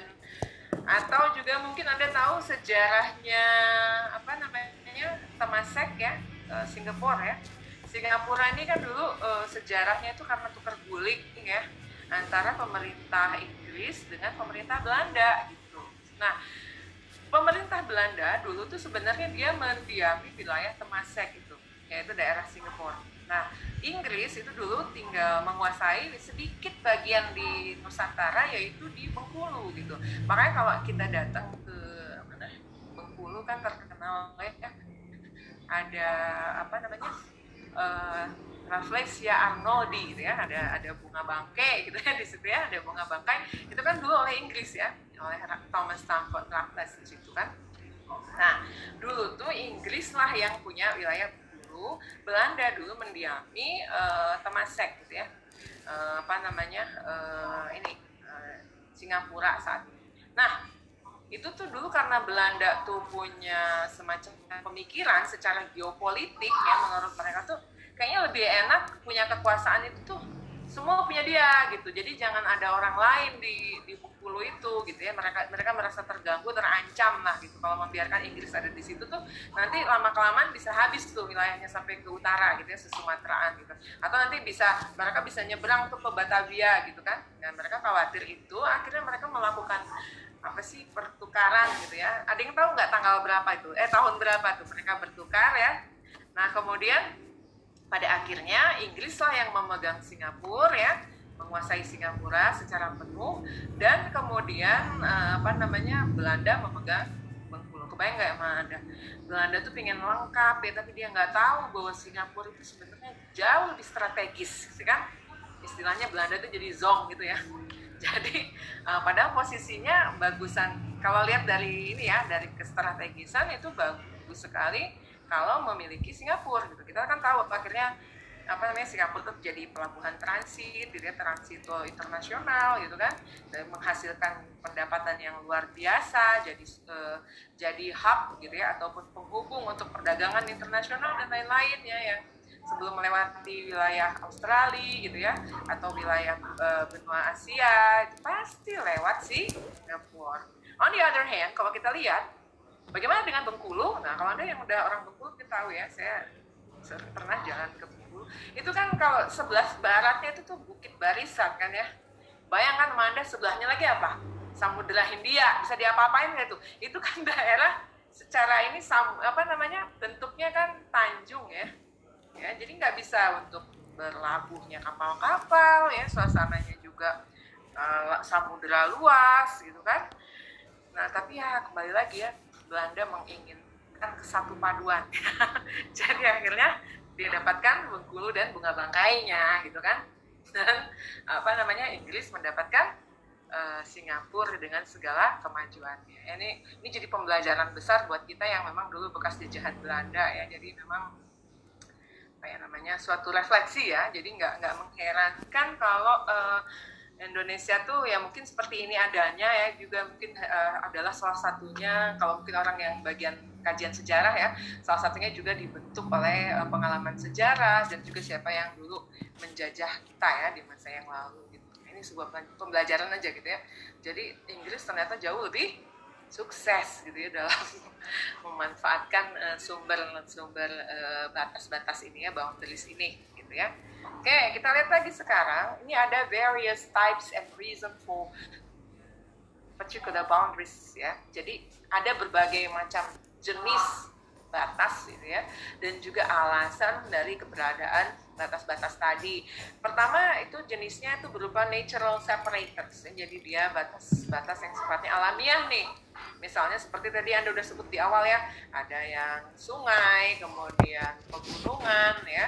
Nah, ini kita bisa temui batas-batas ini saat kita berbatasan dengan Malaysia gitu ya, atau kita dengan uh, apa namanya sekarang Timor Leste gitu kan atau juga berbatasan dengan Papua Nugini yang memang kita ada batas-batas alam ini. Nah, kemudian yang kedua itu ada yang berbentuk cultural differences ya, perbedaan budaya nih. Contohnya uh, religious majority areas, jadi wilayah-wilayah mayoritas yang misalnya di dalam itu ada uh, uh, kumpulan masyarakat penganut agama tertentu. Kemudian that serve as the basis for drawing the boundaries between India and Pakistan. Contohnya ya. Jadi ada batas kan antara India dan Pakistan itu batasnya sedikit sekali ya. Kecil, sempit ya bagian selatan gitu kan. Nah, tapi dia mana batasnya itu karena ada tadi cultural differences-nya. Kemudian yang ketiga itu ada ini maaf ya salah nulis between jadi between ya. Kemudian historical and political considerations. Yang ketiga itu karena pertimbangan sejarah dan juga politik ya. Contohnya adalah as the case of many of the African states. Jadi banyak eh, negara-negara uh, Afrika itu kan mereka ada yang jajahan Belanda, ada yang jajahan Prancis, ada jajahan Jerman, ada jajahan Inggris gitu ya. Yang mana batas-batasnya itu originally drawn by European colonial powers. Jadi wilayah mereka itu tuh dibatasi oleh uh, hasil dari uh, kekuasaan kolonial di masa lampau. Jadi otomatis jadi wilayah mereka gitu ya. Atau Indonesia contohnya ya. Kita tuh uh, mewarisi hasil jajahan Belanda tuh gitu kan. Kemudian yang keempat adalah those established by military equilibrium as between misalnya Israel and her Arab neighbors or between North and South Korea. Jadi contohnya karena ada keseimbangan militer tuh ya. Jadi ada ada perebutan itu secara militer. Kita lihat misalnya wilayah Arab gitu ya, eh, Israel yang misalnya ada West Bank, Gaza ya, dan lain-lain. Nah kalau di Korea Selatan, Utara demikian juga ya kan tahun 50 dua bersaudara ini, ini terpisahkan oleh perbedaan ideologi ya dan mereka itu uh, berpisah gitu ya sampai hari ini. Nah Kemudian yang kedua, ini ini tadi yang bagian yang pertama ya, misalnya masalahnya boundaries ini masuk di dalam posisi geografis ya tadi saya fokuskan bicara ini karena yang lain-lain tadi udah kita bahas kan di, di, di awal tadi. Kemudian kita lanjutkan ke bagian yang kedua yaitu sejarah perjuangan kemerdekaan juga jadi pertimbangan ini ya untuk uh, apa namanya pembuatan atau faktor uh, pembentuk kebijakan luar negeri. Ada yang masa pra kemerdekaan, ada yang 17 Agustus 45 sampai Orde Baru itu kita banyak sekali menghadapi banyak-banyak uh, tantangan ya. Jadi ternyata yang pernah saya sampaikan dulu di perkuliahan kedua yang kemarin ya bahwa Indonesia tuh uh, banyak sekali tantangan yang kita udah merdeka. Kita masih harus mendapatkan pengakuan secara de jure gitu ya dari negara lain gitu kan bahwa kita memang eksis gitu kan. Nah terus kemudian uh, apa namanya uh, banyak sekali model-model politik yang dilakukan ya politik luar negeri pemerintah kita di zaman Soekarno dulu menggunakan apa lighthouse politics katanya ya. Jadi istilahnya uh, politik mercusuar bagaimana Indonesia waktu itu berupaya untuk uh, apa namanya mendapatkan pengakuan dunia itu dengan cara kita bisa misalnya diakui sebagai tuan rumah ya untuk konferensi Asia Afrika pada tanggal 18 sampai 24 April ada yang bilang 22 ya 24 April 1955. Bagaimana dulu Presiden Soekarno mengusahakan sedemikian rupa untuk membangun uh, lapangan IKADA itu apa Monas ya, Monumen Nasional gitu dan lain-lain. Dan juga uh, apa bagaimana dulu pemerintah kita juga misalnya menjalin uh, hubungan dengan negara-negara walaupun ada semacam ups and downs-nya gitu ya. Jadi pada masa pemerintahan Soekarno dulu itu Soekarno itu dulu cukup dekat ya dengan Barat sebenarnya pada awal-awal kemerdekaan gitu.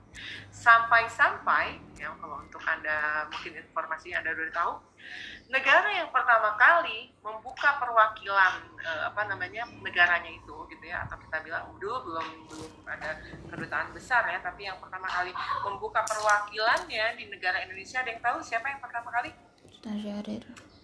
Siapa? Ada yang tahu? Pertanyaan lagi nih. ya teman-teman ya dari 100 eh, 204 orang nih mahasiswa. Ya siapa yang pertama kali membuka perwakilan apa namanya uh, istilahnya uh, ya uh, apa bukan kedutaan besar perwakilannya saja ya di Indonesia. Siapa yang pertama kali ada yang tahu? Dulunya tuh jadi jadi apa ya uh, rekan dekat lah buat Indonesia. Siapa yang tahu? Nggak nggak ada yang tahu ya Ya. Izin nebak Ibu. Siapa tuh yang jawab, mau jawab Fadil? Izin nebak uh, Amerika Serikat Ibu. Tuh, bagus Fadil ya. Amerika Serikat kapan? Ada yang tahu kapan? Habis ini Bu habis penyerahan kedaulatan. Kapan itu? Ada yang tahu?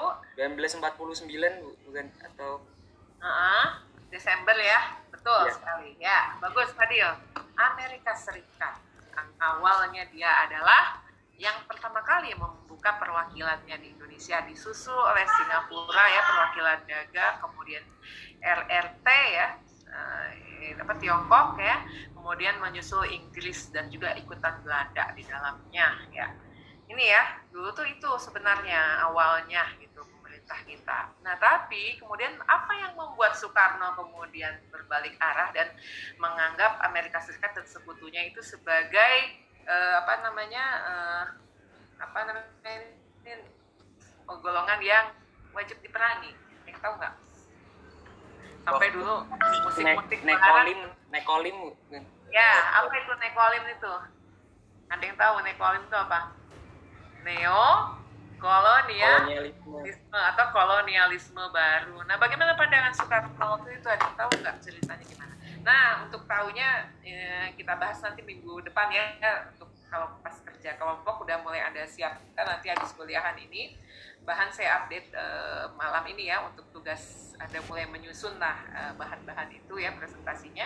Nah ini dulu sekedar info aja ya. Jadi si Nekolim ini pemerintah Soekarno waktu itu awalnya kan bersahabat dengan Amerika Serikat bahkan Amerika itu sebagai yang pertama kali membuka perwakilannya di kita. Nah tapi kemudian ya, Soekarno melihat ada sesuatu ketimpangan ya yang terjadi yaitu dia melihat adanya uh, suatu kecenderungan ya dari Amerika Serikat dan juga sekutunya itu untuk menguasai wilayah Indonesia gitu kan. Nah, jadi dia melihat bahwa kehadiran Amerika walaupun seolah-olah dulu memberikan bantuan, tapi e, di belakangnya itu dikhawatirkan sebagai adanya yang namanya e, kapitalisme ya kan dan juga liberalisme itu. Ini yang dikhawatirkan ya oleh beliau itu. Sehingga akhirnya melihat bahwa uh, ini tidaklah adil gitu ya buat dia. Sehingga dia akhirnya membuat uh, apa namanya uh, kerjasama sendiri gitu ya dengan negara-negara yang bertolak belakang dari Amerika dan sekutunya yaitu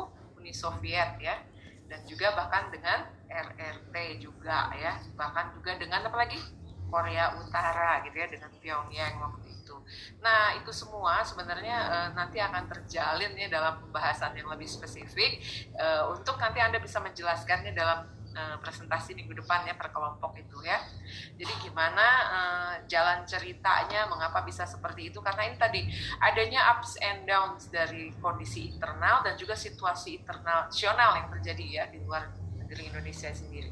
Indonesia punya kepentingan yang harus di, di apa namanya di diselaraskan ya uh, di dalam negerinya gitu kan. Ya tahu sendiri kita baru merdeka kemudian juga merdeka ini harus diisi dengan pembangunan tapi saat ingin mengisi pembangunan juga ternyata internally itu kita mengalami banyak banyak sekali tantangan dan ujian ya. Yaitu dengan ingin uh, berpisahnya negara-negara eh negara lagi apa pulau-pulau lain gitu ya ataupun provinsi dulu belum ada provinsi ya. Jadi digabungkan itu e, berdasarkan juga ke apa namanya kere, kerelaan gitu ya, dari kerajaan-kerajaan di Indonesia. Tapi kita tahu perjuangan Indonesia waktu itu juga tidaklah mudah. Kenapa kehadiran dari Nika Belanda itu kembali ke Indonesia dan mereka melakukan agresi militer pertama satu, kedua sehingga menimbulkan uh, kondisi baru di Indonesia yang wilayah Indonesia itu menjadi dipersempit waktu itu ya berdasarkan apa?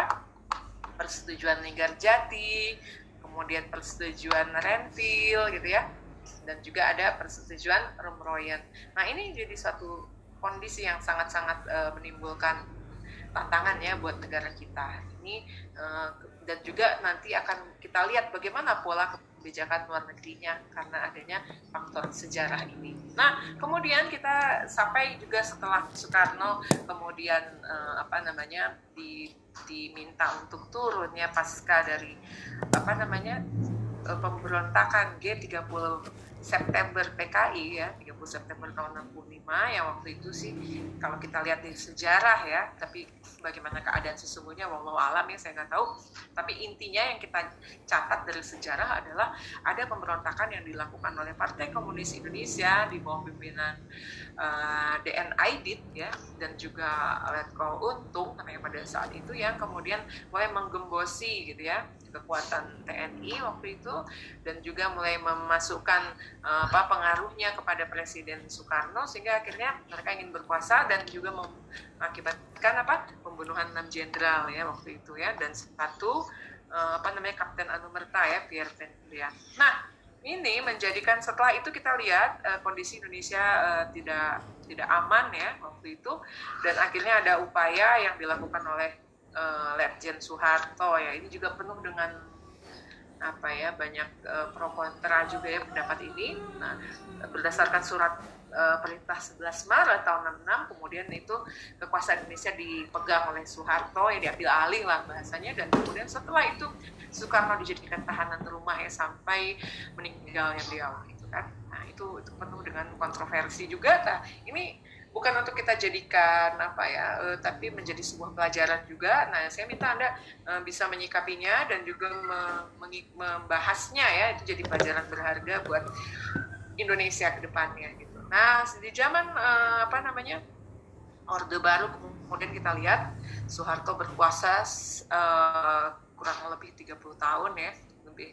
Sebenarnya sejak 66 dia udah berpuasa tapi baru secara formal ya itu ditetapkan pada uh, tahun 68 gitu ya. Nah, sampai beliau itu lengser ke Prabowo ya atau bahasanya turun dari kekuasaannya itu karena reformasi oleh mahasiswa ya dan rakyat tahun 98 nah itu beliau mengundurkan diri dan kemudian di apa uh, diambil kepemimpinannya selanjutnya oleh wakil presiden saat itu yaitu B.J. Habibie ya Nah, ini jadi suatu apa namanya e, hal yang menarik ya buat Indonesia bagaimana pada 30 tahun kekuasaan Soeharto itu terjadi. Banyak hal pembangunan iya gitu tapi juga hal-hal yang lain mungkin apa namanya masalah-masalah human rights gitu ya human rights abuse gitu. dan juga masalah-masalah uh, pertahanan dan lain-lain ya oke ini siapa ya betul nggak bisa dijawab dulu telepon ya banyak ya sekali hal-hal ini yang kemudian uh, apa namanya jadi uh, persoalan ya buat Indonesia. Nah, oke kita lanjut lagi ya teman-teman. Ini masih pada ada di sini ya, masih standby. pada off cam semua ya. Ya saya harap uh, nggak pada ini ya, nggak lagi pada keluar dari kelas ini ya. Ya, oke masih bu, ya ya, oke. Okay. Nah, itu ya tadi masalah sejarah dan kemudian nanti pasca apa namanya reformasi juga bagaimana kondisinya di zamannya B.J. Habibie, kebijakan luar negerinya ya pada saat itu kebijakan beliau adalah bagaimana menyelamatkan Indonesia dari kondisi pasca krisis moneter tahun 98 dan juga ada tantangan yang sangat-sangat uh, berat buat Indonesia yakni berpisahnya ya Timur Timur ya, itu dari Indonesia yang awalnya dalam karena diri kemudian berdasarkan apa namanya hasil keputusan yang waktu itu Indonesia menyerahkannya oh, padahal di satu sisi di PBB sedang di, di, di Dewan Keamanan ya sedang dibincangkan masalah status timur timur ini itu apa? Apa? Ini apa? Cicipi ya? Hah? Cicipi ya? Maaf.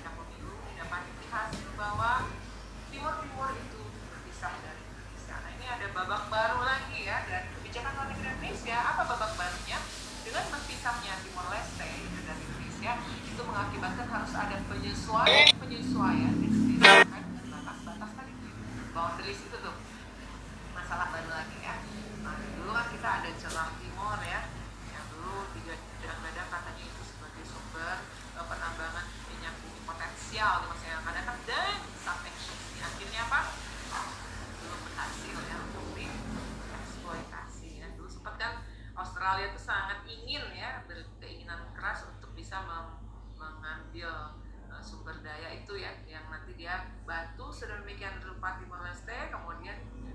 Ternyata ketika dicoba uh, palung lautnya itu ya Timor Gap-nya itu terlalu dalam nggak bisa diapa-apain gitu kan. Ya udah deh sekarang kita lihat di mana Timor Leste akhirnya ya nggak nggak bisa maksimal ya negara itu gitu ya. Bila dibandingkan dengan kondisinya saat bergabung dengan Indonesia ya mungkin ya nggak tahu ya saya belum pernah ke sana. Tapi dari banyak pembahasan ya mungkin nggak ada perubahan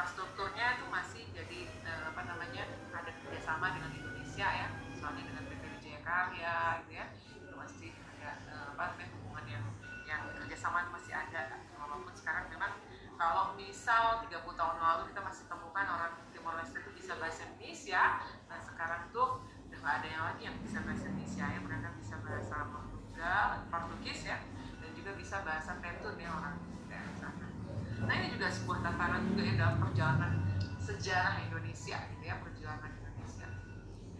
Oke kita lanjut lagi ya. Ini masih eh, ada lagi bahasannya. Ini ya ini nanti anda coba eh, jadikan catatan ini nanti cari data untuk masa perang kemerdekaan seperti apa ya waktu ini aja deh dari sejak kita mau menyatakan kemerdekaan. Itu kan ada proses ya. Jenderal Terauchi waktu kemudian ada peristiwa Hiroshima Nagasaki gitu ya ini siapa ya nanti aja deh ya sebentar ya saya telepon ya halo Iya. Iya, kenapa Pak? Oh iya siap Pak. Betul, betul Pak. Iya, baik Pak. Terima kasih. Yuk. Oke. Mohon maaf ya teman-teman. Lagi ada ini ya. Ada kurir ternyata. Ya, baik. Nah, seperti itu ya jadinya eh, apa namanya kondisinya. Dan nanti tolong dijadikan catatan Anda ya, 17 Agustus sampai order, order informasi saat ini karena nanti ada yang kebagian yang membahas ini ya. Oke, selanjutnya kita lihat penduduk ya. Ada demografi, age, sex composition, kemudian juga homogeneity ya, homogenitas dari etnik itu juga menjadi kekuatan pengikat. Kemudian juga heterogeneity dari etnik ya, heterogenitas dari etnik itu menjadi kelemahan kecuali bila ini diikat oleh rasa kebangsaan yang membutuhkan ekspresi politis ya. Kemudian juga jumlah penduduk yang besar menjadi kekuatan sebuah negara dan juga kualitas penduduk yang tinggi. Nah, kalau kita lihat Indonesia sebenarnya kalau lihat jumlah penduduk yang besar ini suatu kekuatan kalau dia juga tadi ya kaitannya yang pertama tadi eh, population density-nya tuh terbagi dengan dengan baik gitu ya. Jadi terdistribusi dengan baik. Jadi nggak ada penumpukan jumlah penduduk sehingga akhirnya tadi yang Anda sebutkan ada masalah lingkungan, masalah sosial, budaya, politik dan lain-lain ya. Kemudian juga kualitas penduduk yang tinggi ini ditentukan juga salah satunya dengan pendidikan. Nah, dengan kualitas penduduk yang tinggi, pendidikan mereka tuh istilahnya uh, melek gitu ya, melek segala-galanya, melek tulisan, aksara gitu kan, literate dalam aksara, literate dalam digital, literate dalam financial gitu kan, uh, literate dalam komunikasi dan lain-lain sehingga mereka lebih mudah dalam mengikuti aturan yang ada dan dalam menciptakan keselarasan dalam kehidupan. Kalau enggak, ini dia tantangan yang besar buat kita ya. Kemudian yang keempat itu adalah kekayaan alam tadi natural resources. Ini jadi suatu pertimbangan suatu negara saat melaksanakan kebijakan luar negerinya ya. Kenapa? Ya, tadi kaitannya dengan availability of raw materials, kemudian economic strength ya, ada agricultural, industrial output tadi Anda sudah sebutkan. Ini juga jadi posisi tawar buat kita gitu ya negara dengan kekayaan alam yang besar, dengan sumber penduduk yang besar, uh, satu sisi sebagai uh, penentu untuk uh, apa namanya kegiatan produksi, tapi juga menjadi pasar yang potensial. Nah ini juga jadi kekuatan. Harusnya kita jangan menjadi objek ya, tapi kita jadi subjek, gitu ya. Nah, yang kelima ini adalah militer, ya military. Nah, ini terkait juga dengan relative size, ya, jadi jumlah yang relatif itu menurut eh, apa ahli militer itu berapa mestinya gitu ya tentara itu untuk menjaga pertahanan ya atau defense dari sebuah negara. Kemudian juga akan melihat aspek organizationnya. Nah, organisasinya itu gimana? Betul-betul profesional dia sebagai militer atau ternyata kalau di zaman dulu itu kan uh, beritu manunggal rakyat gitu kan. Dia juga jadi pemimpin dia juga jadi apa pokoknya zaman tahun 90 dulu tuh militer tuh dia semua muanya deh segala galanya dia mau menguasai pemerintahan bisnis dan lain-lain. Tapi sejak reformasi ini semua dikembalikan kepada uh, kondisi uh, seharusnya gitu ya kemudian juga equipment ya gimana misalnya alat-alat pertahanan kita. Sempat Indonesia uh, buntut ya dari dari masalah uh, apa namanya um, human, uh, ini ya uh, masalah hak asasi manusia ini human rights abuse ini itu Indonesia tuh dihentikan ya supply uh, pertahanannya ya oleh Amerika Serikat. Yang jadinya apa?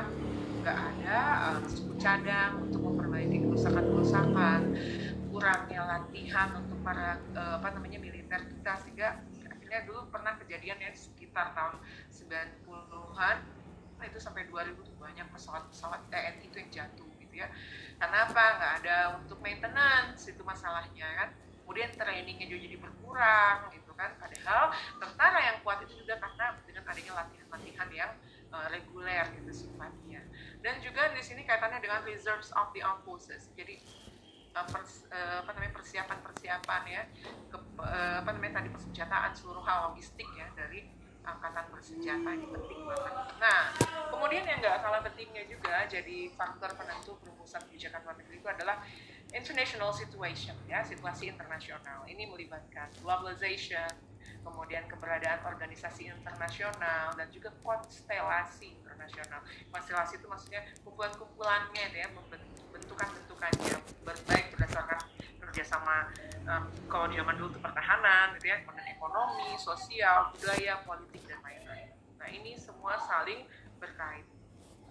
Globalisasi ini juga jadi hal yang sangat penting ya. Ini tuh nggak bisa dielakkan kalau globalisasi itu menjadi bagian yang apa namanya menjadi uh, bagian yang yang kalau kita bilang tuh globalisasi itu jadi kekuatan yang bisa membuat uh, kekuatan yang bisa mendukung ya untuk kepentingan nasional, tapi di sisi lain itu mengancam, gitu ya.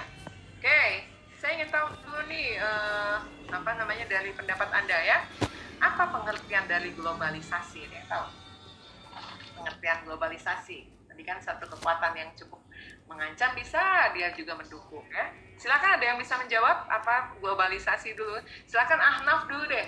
Ahnaf. Udah raise hand Ahnaf. Silakan Ahnaf. Oke baik Ibu, terima kasih. Um, kalau menurut uh, pemahaman saya ya Bu, globalisasi itu uh, ketika terjadinya blur antara batas-batas negara, terjadinya atau mengglobalnya gitu nilai-nilai suatu negara terhadap negara lain seperti uh, budaya uh, dan ya yang semacam itulah Bu, uh, sudah mengglobal gitu dan mudah. Uh, Oke. Okay. Mungkin itu Bu ya kayak gitu menurut aku. Oke, terima kasih Ana. Untuk selanjutnya saya akan tunjuk siapa nih? Vivi ya. Vivi sudah angkat tangan ya. Silakan Vivi. Ya. Ada Vivi? Nggak jadi? Halo, Bu. Jadi Bu. Ya, silakan Bibi. Mau menambahkan pendapat dari Ahnaf? Iya Bu, kalau, kalau misalnya globalisasi ini sebenarnya setahu saya kalau di hubungan internasional bisa dipandang sebagai dua ya, bisa sebagai proses sama sebagai fenomena. Nah itu tapi secara garis besar emang uh, seperti yang Afnaf bilang tadi, kalau misalnya itu ya itu uh, kayak mem, apa tadi bahasa memblurkan uh, atau uh, membuat batas-batas itu menjadi seperti tidak tampak, uh, tapi sebetulnya masih ada gitu ini terutama dari kemajuan teknologi gitu ya bisa uh, paling fenomena paling apa mudahnya itu kita bisa tahu informasi dari uh, belahan dunia lain gitu dengan uh, sangat cepat kalau sekarang gitu. Iya, iya. Oke, bagus Bibi. Selanjutnya ada lagi yang mau nambahkan? Rika mungkin? Silakan Rika. Uh, makasih Ibu kesempatannya. Iya. Uh, jadi menurut aku globalisasi itu di mana terjadinya integrasi di antara antar negara uh, sehingga mempercepat adanya pertukaran informasi di antara negara satu sama lain. Terus juga uh, dapat uh, bisa diartikan juga sebagai proses terbentuknya sistem organisasi uh, dan komunikasi di antara masyarakat seluruh dunia untuk mengikuti sistem di kaidah tertentu. Gitu aja Oke, mungkin. Terima kasih. Ya, terima kasih. Selanjutnya mungkin mau ditambah juga oleh uh, Anggi MP. Silakan Anggi. Ya Bu, terima kasih. Um, pertama izin off cam juga. Kedengeran nggak Bu? Ya. Enggak, boleh. Jadi uh, saya cuma mau ngutip dari kelasnya Pak Yan Yan aja. Mungkin Bu, kalau kata Pak Yan Yan sih globalisasi itu interaksi, interdependensi yang meliputi semua aspek kehidupan manusia di tingkat dunia. Jadi bisa terjadi di tingkat nasional, regional, dan global.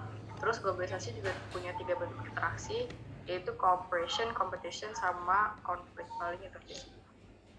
Oke, baik. Ada lagi yang mau nambahkan? Siapa namanya nih? Alivia Diva mungkin? Alivia Diva. Aku izin menjawab. Uh, globalisasi sendiri uh, sebagai tambahan dari teman-teman yang udah jawab juga karena tadi disebutin bahwa globalisasi merupakan proses bersatunya dunia, uh, blurnya batas-batas dunia. Pada akhirnya kita bisa bilang bahwa uh, globalisasi juga menjadi suatu proses dari sebuah hegemoni atau dominasi dari negara-negara uh, di dunia barat.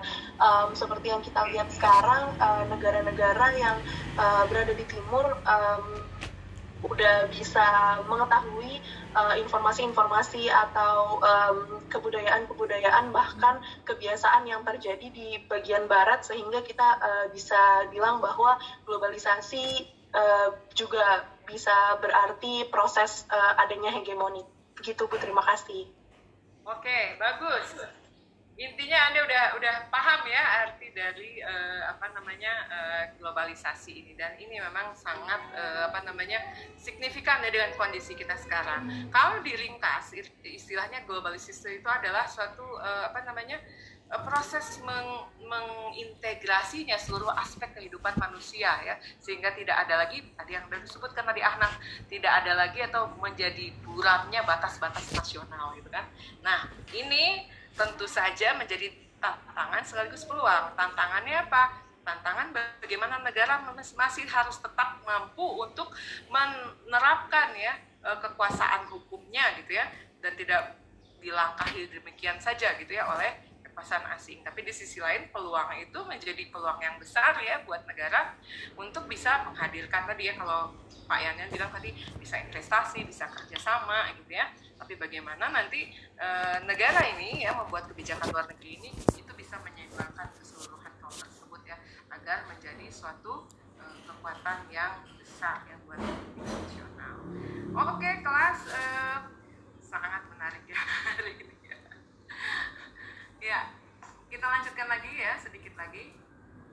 Ini e, tadi ya keberadaan organisasi internasional juga jadi pertimbangan karena bagaimanapun uh, kekuatan uh, apa namanya organisasi internasional yang kita bilang sebagai blok, blok. nasional ini itu juga memberikan uh, apa namanya uh, pertimbangan juga gitu ya buat uh, contohnya Indonesia ya misalnya mau membuat kebijakan itu mempertimbangkan ASEAN mempertimbangkan PBB bagaimana kita bisa mengejar kepentingan nasional kita melalui organisasi internasional. Nah, kemudian juga kualitas diplomasi. Nah, diplomasi bagi suatu negara dapat diumpamakan dengan permainan kartu. Nah, kalau kartunya kuat, pemainnya kurang baik, maka kemungkinan kalah itu cukup besar. Demikian pula sebaliknya. Nah, ini nanti Anda yang akan jadi calon diplomat ini mesti uh, apa ya namanya orang yang yang cakap ya dalam segala hal, gitu, pandai dalam segala hal gitu untuk dapat bisa mencapai kepentingan nasional ini. Harus mampu memainkan ilmu pengetahuan dengan seni, dalam bernegosiasi. Kemudian yang ke selanjutnya ya, yang ke-10 ini ada good corporate governance, ada accountability, ada transparansi, ada responsibility, independency dan juga fairness ini harus ditegakkan oleh pemerintah gitu kan.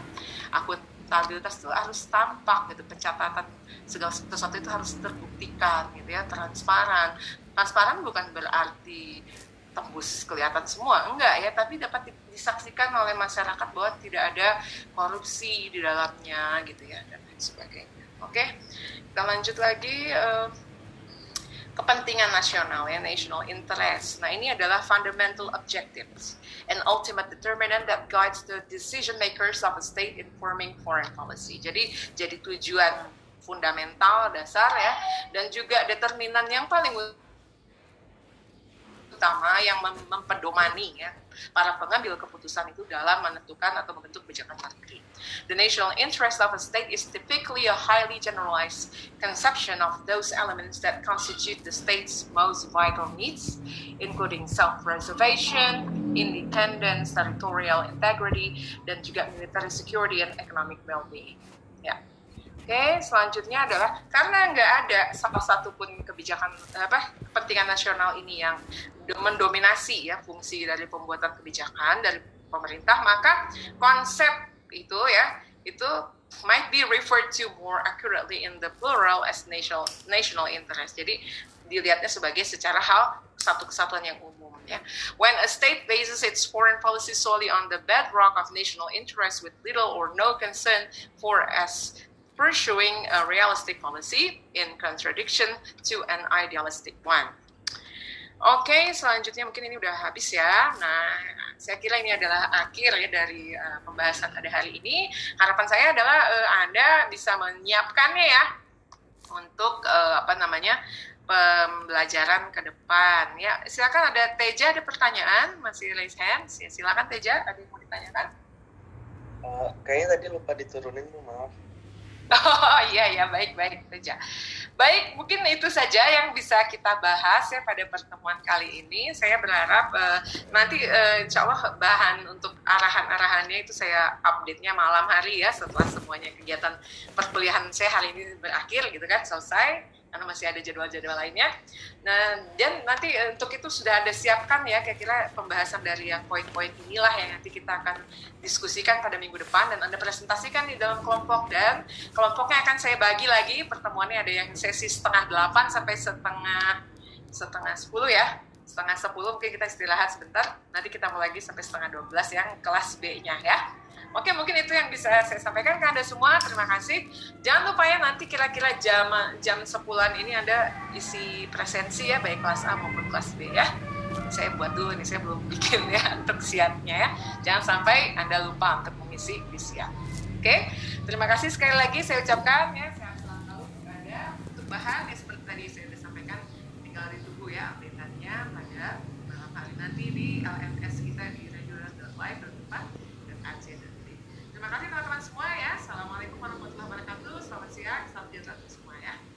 sehat-sehat selalu ya.